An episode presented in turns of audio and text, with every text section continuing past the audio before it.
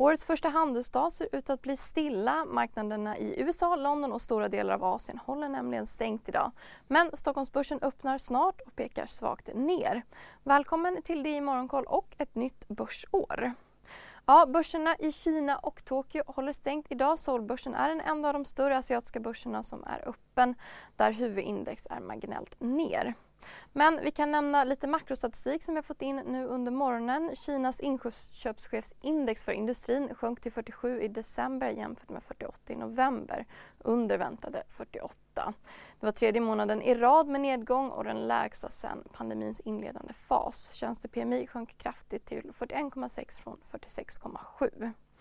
Kinas president Xi Jinping uppmanade i sitt nyårstal i helgen till ökade ansträngningar och enighet när landet nu går in i en ny fas vad gäller att bekämpa pandemin. Han erkände att landet har gått igenom en tuff period i pandemikampen.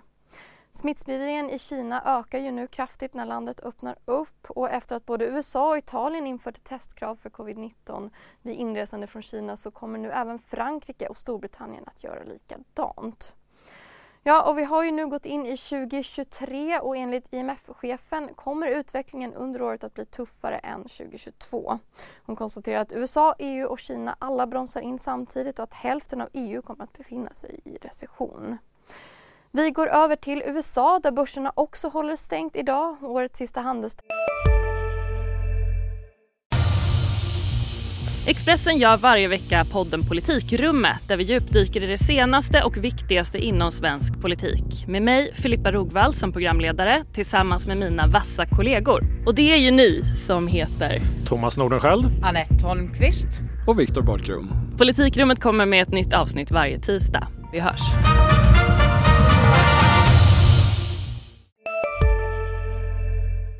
Avslutades med ett svagt kliv neråt där börshumöret tydligt pickade på sig under kvällens sista timmar för att ta igen det mesta av de tidigare nedgångarna.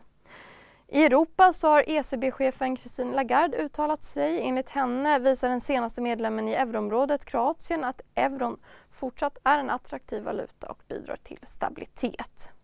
Så avslutar vi i Sverige. Norska Aternum Capital som är storägare i Skistar har köpt ytterligare 25 000 aktier i fjällturismbolaget för i snitt 111,73 kronor per aktie.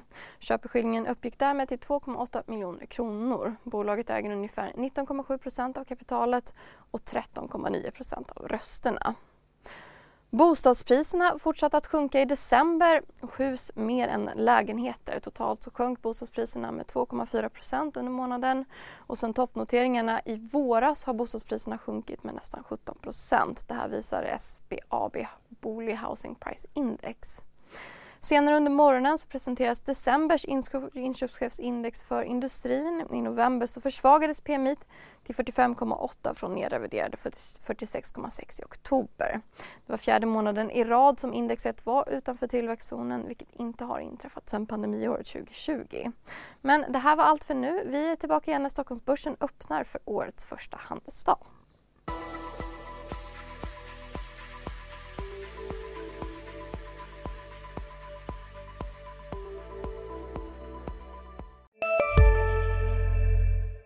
Har du också valt att bli egen? Då är det viktigt att skaffa en bra företagsförsäkring. Hos oss är alla småföretag stora och inga frågor för små. Swedeas företagsförsäkring är anpassad för mindre företag och täcker även sånt som din hemförsäkring inte täcker. Gå in på swedea.se företag och jämför själv. Hej, Synoptik här. Hos oss får du hjälp med att ta hand om din ögonhälsa. Vår synundersökning kan vi upptäcka både synförändringar och tecken på vanliga ögonsjukdomar. Boka tid på synoptik.se.